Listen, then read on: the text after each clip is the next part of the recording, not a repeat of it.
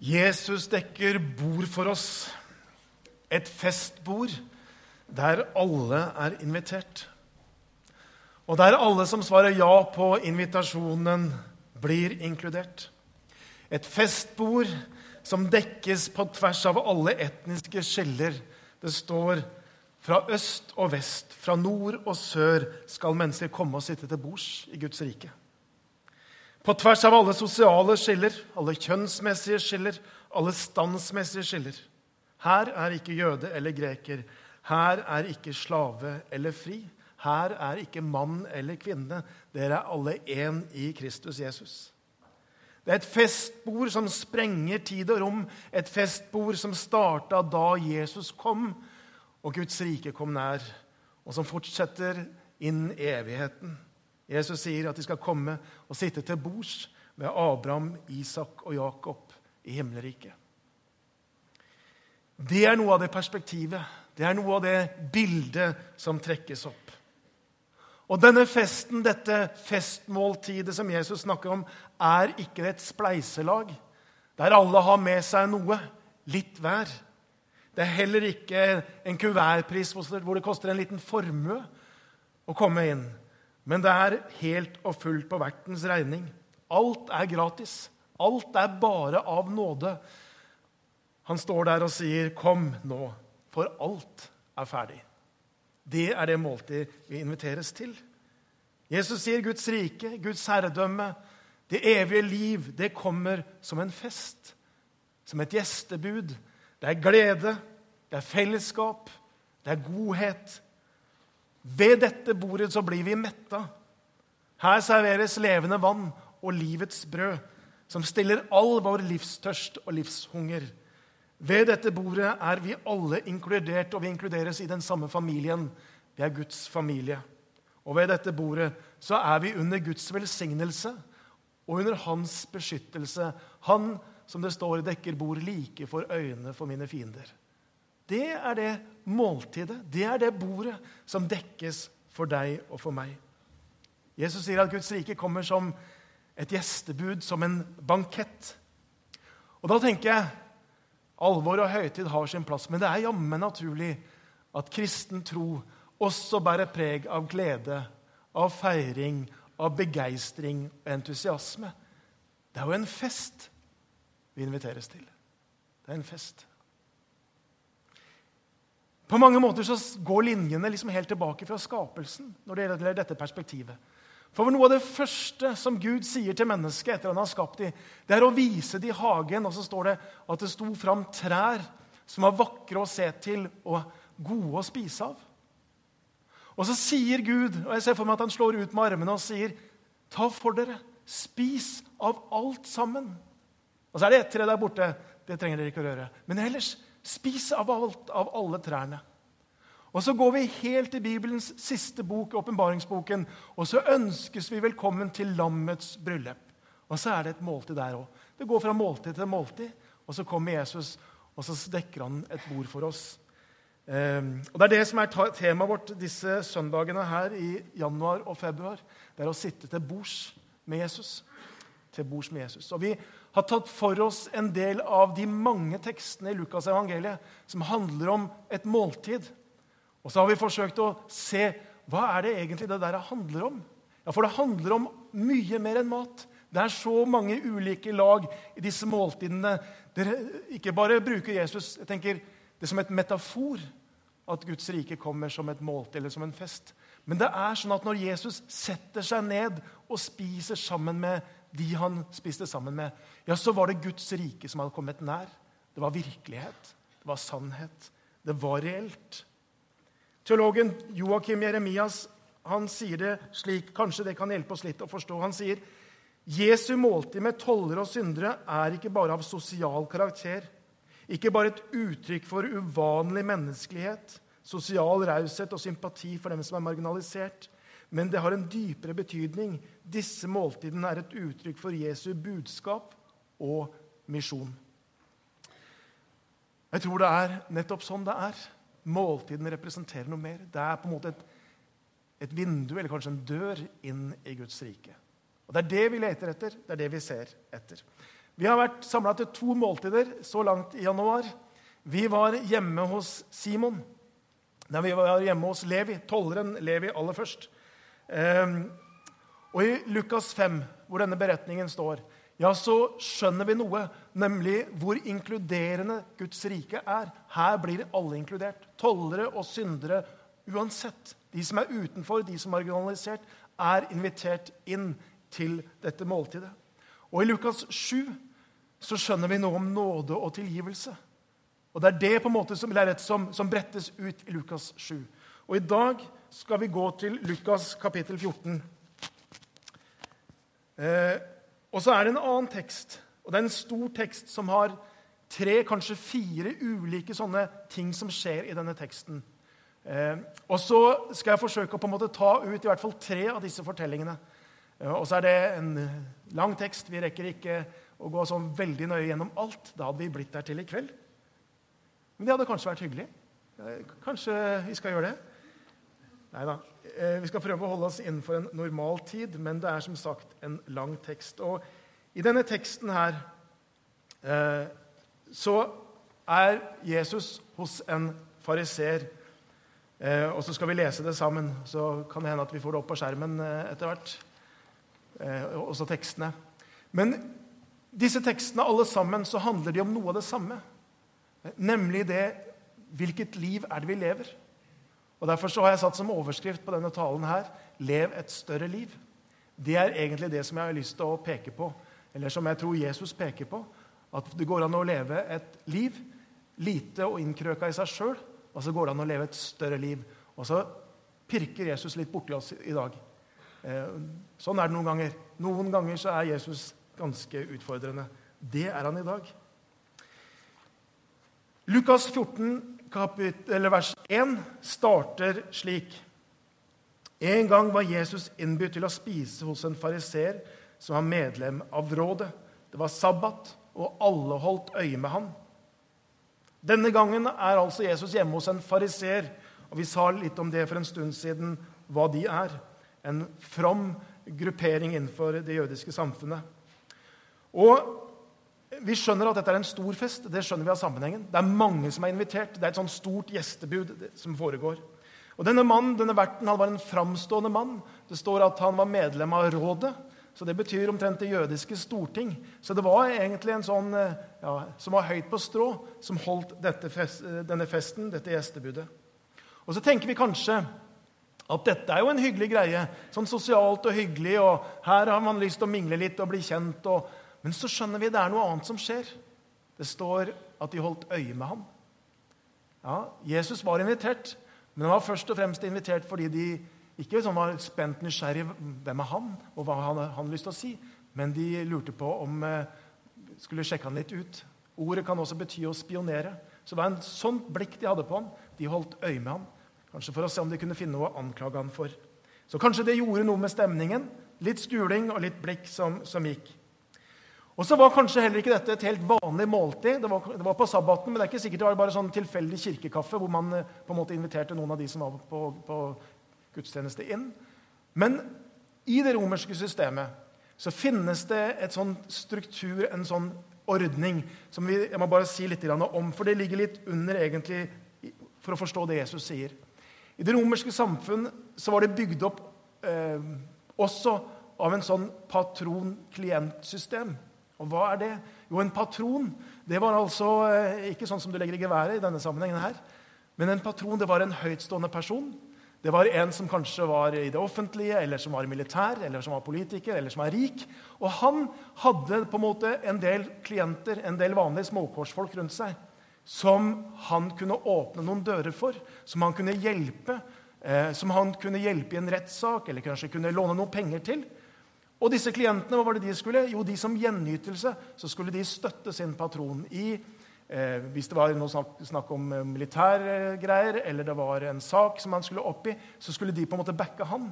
Og så var det et sånt system av ytelser og gjenytelser. Og hele det gresk-romerske kulturen på denne tiden her, det på en måte funka rundt dette her. Det var, det var eh, oljen i maskineriet. Sånn funka det. Gjenytelser, ytelser. Jeg gjorde noe for deg, og du gjorde noe for meg hele veien. Patron, klient. Og så kan vi tenke at det der det hørtes jo veldig sånn antikvarisk ut.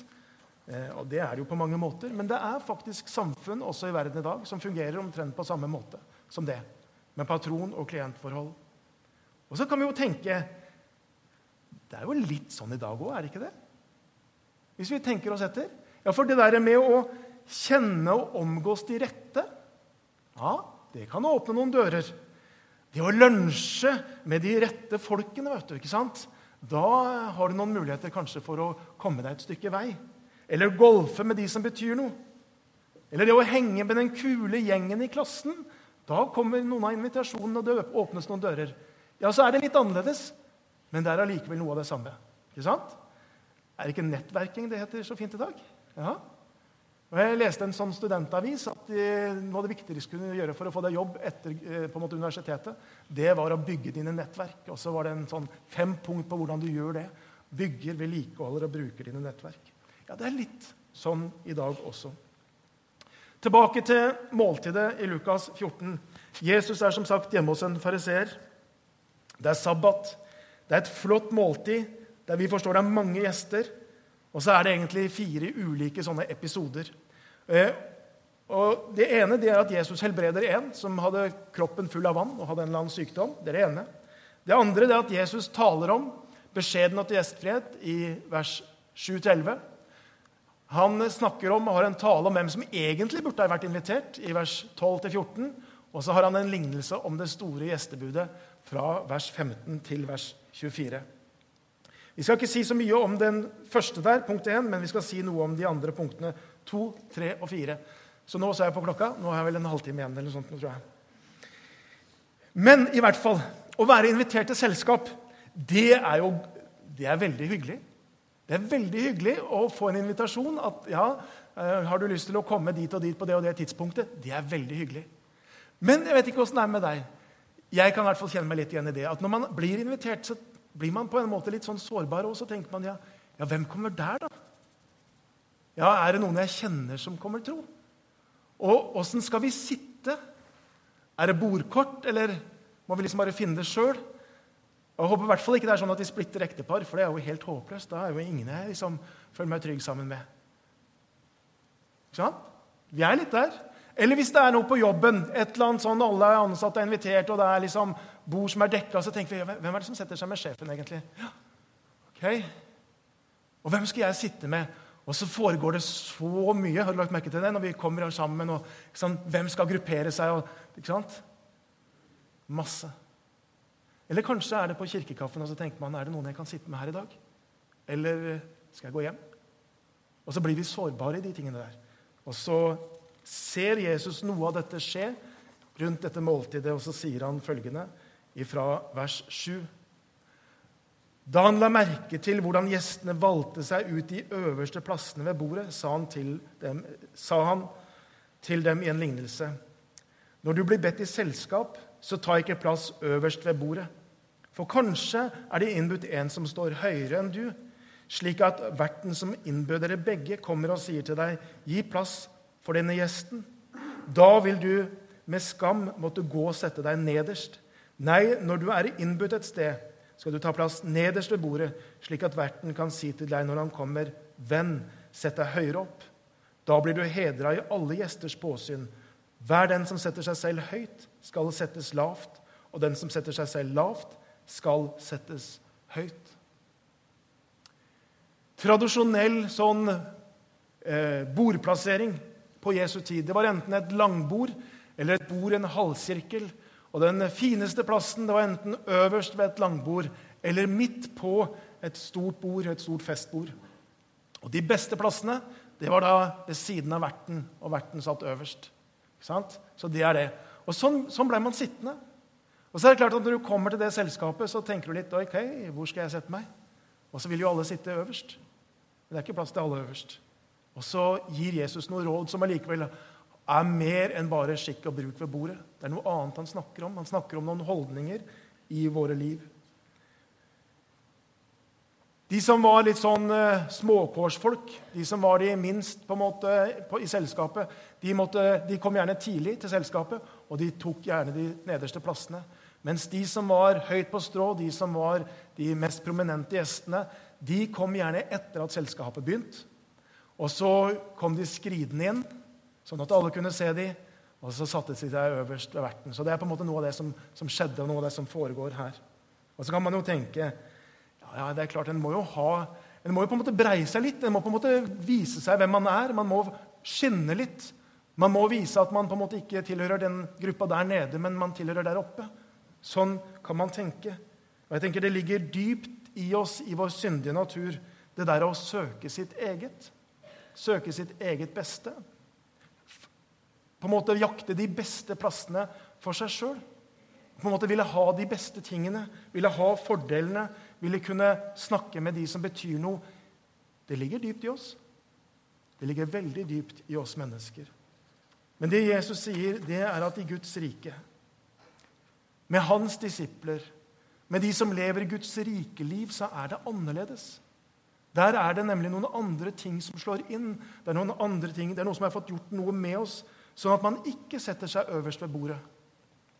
Sånn at man ikke bruker spisse albuer, men heller slipper andre fram. At man ikke trykker andre ned, men er med og løfter og hjelper og støtter. Og sånn sier Jesus. Sånn vil jeg at det skal være blant mine. Jesus sier, 'Vær slike som åpner rommet for andre.' 'Vær slike som ser andre.' 'Vær slike som blir andres tjener.' Lev et større liv enn å hele tiden være opptatt av hvordan du skal få det best og komme lengst fram. Lev et større liv. Jesus sier den som setter seg selv lavt, skal settes høyt. Et annet sted sier Jesus den som vil være stor blant dere, skal være de andres tjenere. Ja, så er det kanskje ikke det viktigste da at jeg får sitte der, men kanskje jeg kan få lov til å hjelpe en annen til å få et godt sete, til å få en god kirkekaffe, til å få en god opplevelse i det selskapet. Kanskje er det viktigere enn hvordan jeg har det akkurat den kvelden. C.S. Lewis han sier det slik Sann kristen ydmykhet er ikke å tenke mindre om seg selv, men å tenke mindre på seg selv. Ja, det er ganske stor forskjell, det. Å tenke mindre på seg selv og ikke mindre om seg selv. Leve et større liv. Leve et større liv enn å jakte på de beste plassene, sier Jesus. Og Så går vi videre, og Jesus har mer å si. Og etter å ha sagt noe til gjestene Hvordan tror du stemningen var rundt bordet? Tror du den var litt sånn dalende? Kan jo hende. De fikk liksom sitt pass påskrevet her. I hvert fall så vender han seg etter å ha sagt dette til gjestene, så vender han seg til verten. Og så ser han på verten og sier følgende. Han sa også et ord til verten. Når du skal ha gjester til middag eller kveldsmat, skal du ikke be vennene eller søsknene eller slektninger eller rike naboer, for de kan komme til å be deg igjen, og dermed får du gjengjeld.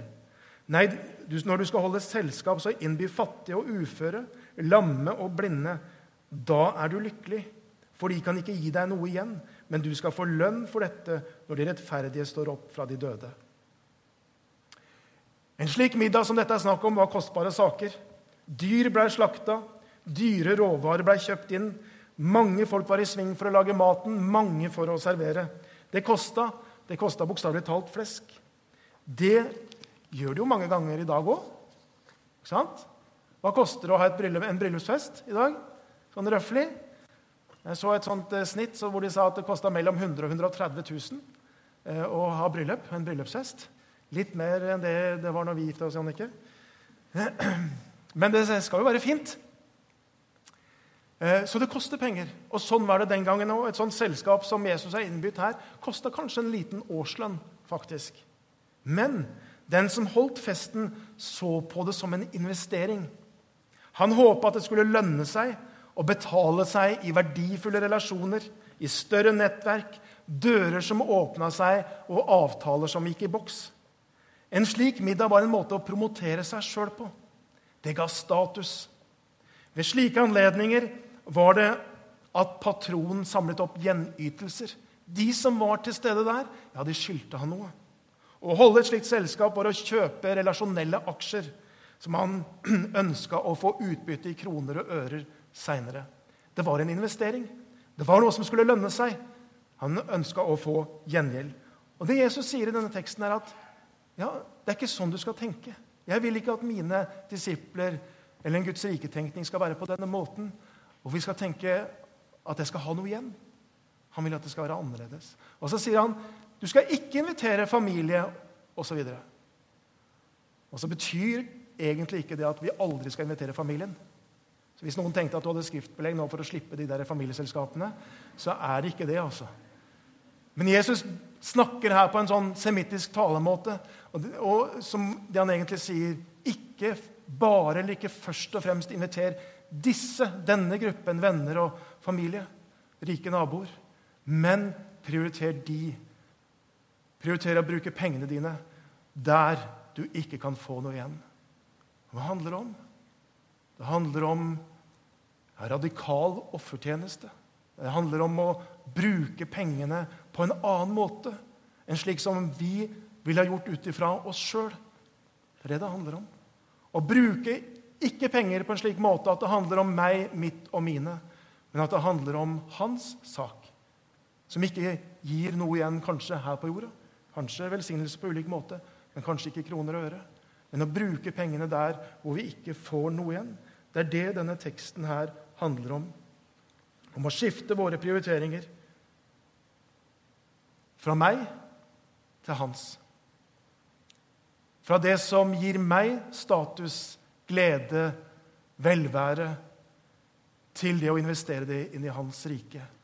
Gi til mennesker som ikke kan gi noe tilbake.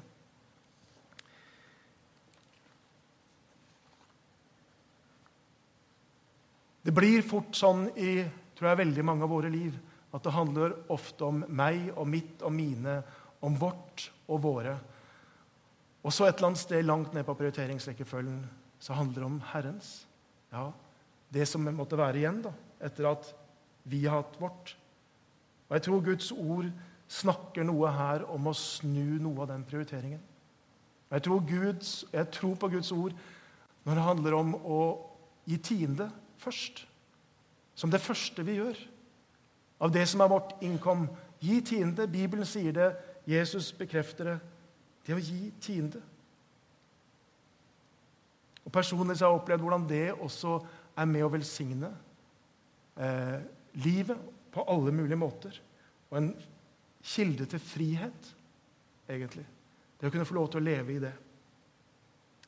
Jesus snakker om å prioritere annerledes.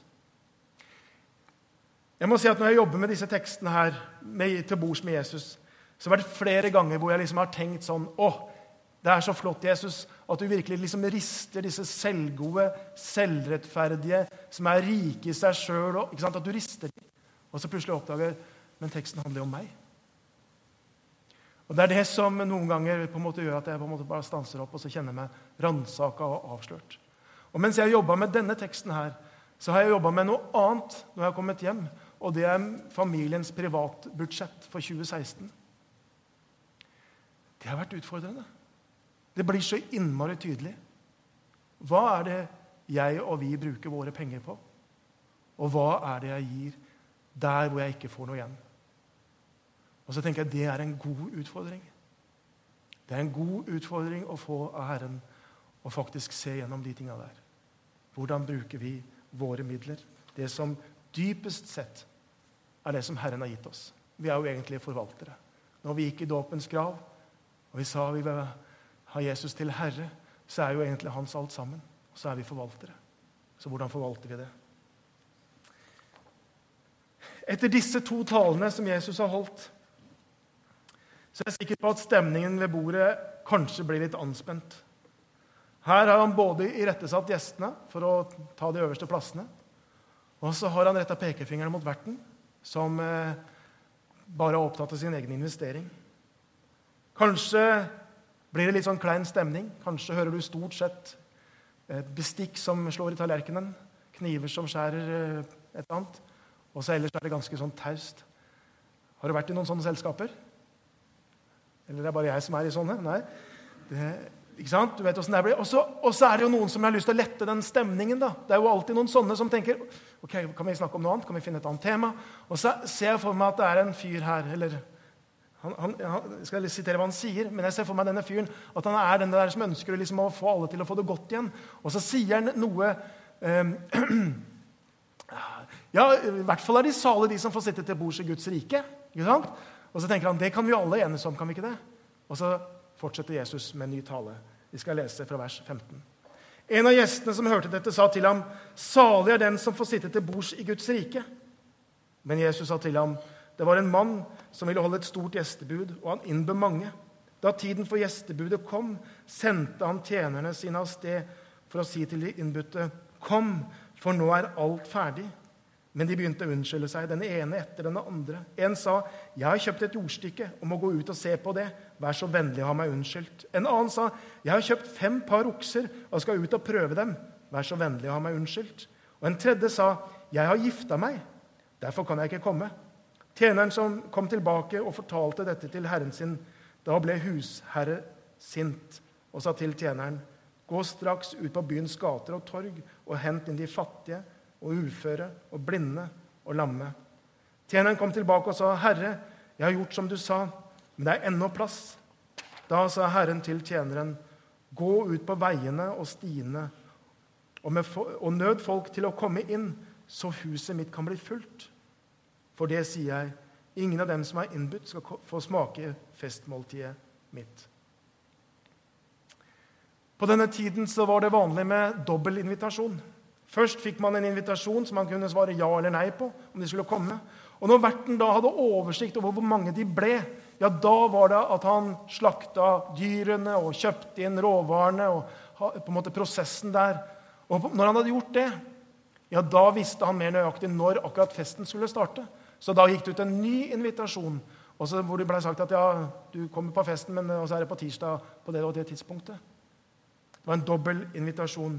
Men når tjeneren sendes av sted for å si at liksom, nå, nå, er alt ferdig, nå er det bare å komme, ja, så møter han alle disse unnskyldningene. Den ene hadde kjøpt et ordstykke som han måtte sjekke ut. Litt rart at han ikke hadde gjort det før han kjøpte det, kanskje. Men eh, han måtte i hvert fall sjekke ut noe han hadde kjøpt. Den andre sier, 'Jeg har kjøpt fem par okser. De må jeg bare kjøre. Jeg må bare ha en prøvetur.'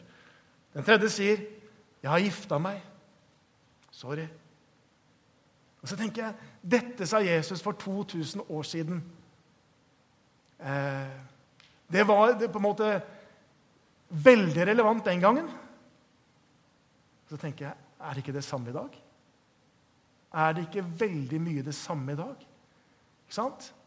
Eiendom Vi har noen ting som tar tida vår, og som tar fokuset vårt og som tar oppmerksomheten. Så sier vi til Guds invitasjon sorry, Gud. I dag har jeg noen ting her som trenger min oppmerksomhet.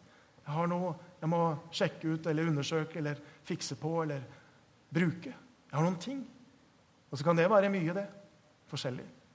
Eller kanskje er det det at ja, Beklager, men vi har det så fryktelig travelt. Jobben og alt med seg og fem par okser som må prøves. Og det er bare så utrolig travelt. Jeg har ikke sjans. Skulle gjerne fått vært med, men jeg kan ikke. Sorry.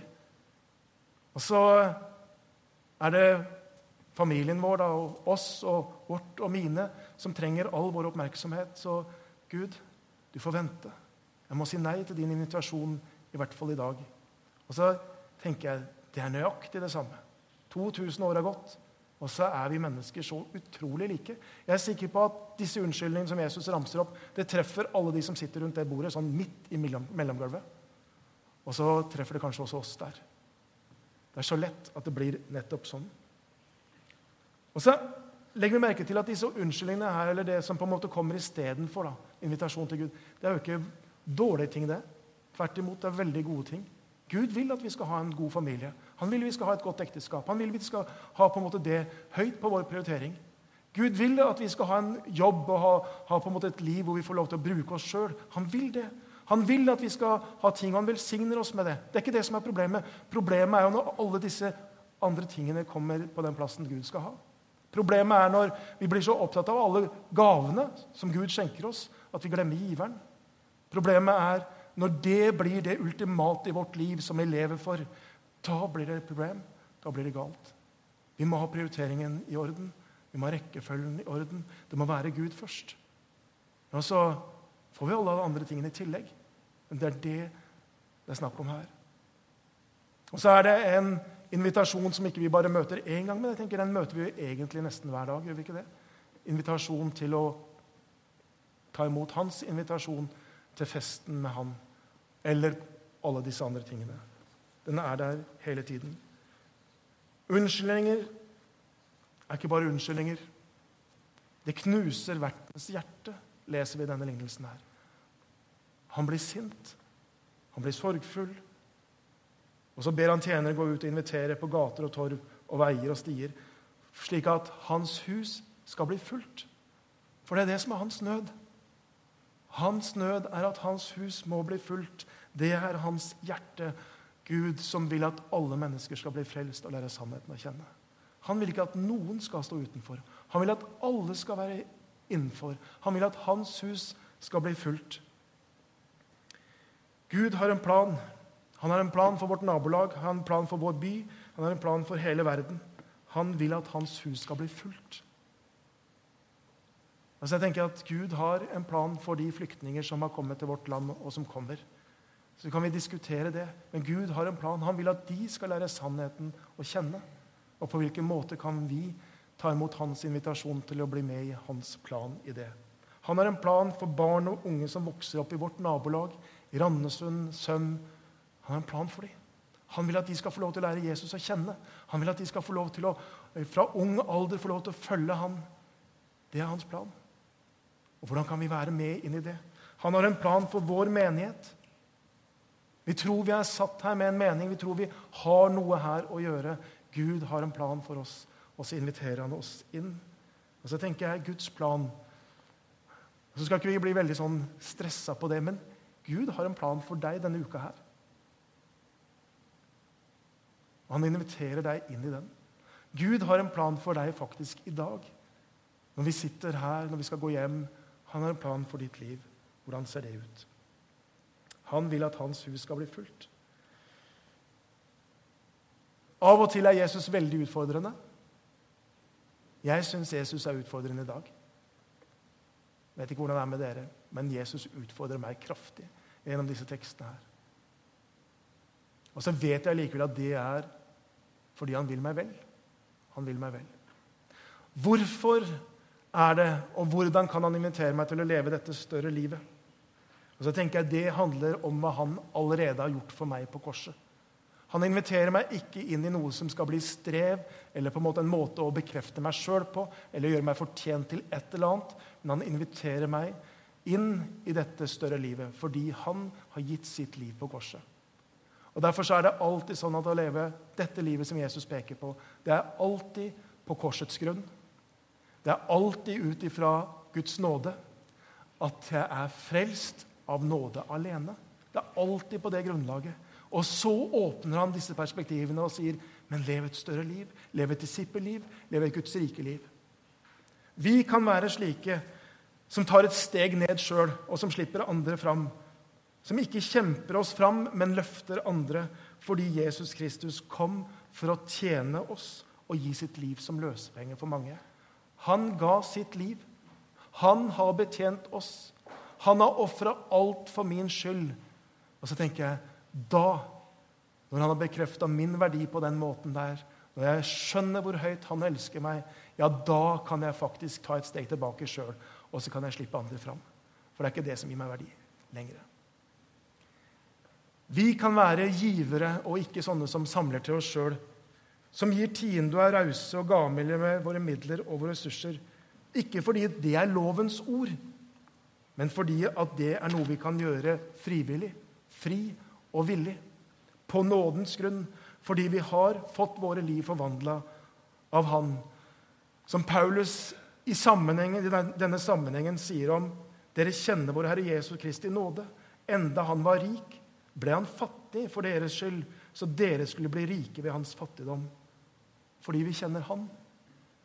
Ja, så settes vi fri til sjøl å være rause og gavmilde. Vi kan være slike som lar invitasjon fra Gud gjelde hver dag og setter den foran alt i våre liv. Også det som er bra og godt, som vi har snakka om. Ikke fordi at vi skal gjøre oss fortjent til Hans nåde eller Hans gunst, men fordi at Jesus har gjort alt ferdig for oss. Alt er fullbrakt, er budskapet. Alt er fullbrakt. Og fordi alt er fullbrakt, fordi vi ikke trenger å gjøre noe sjøl, ja, så kan vi faktisk sette Gud foran alt i våre liv. Vi kan leve større liv fordi vi lever våre liv i Kristus Jesus. Vi kan leve større liv fordi vi lever alt på nådens grunn. Han inviterer oss, og han gjør det med ordene 'Kom', for alt er ferdig.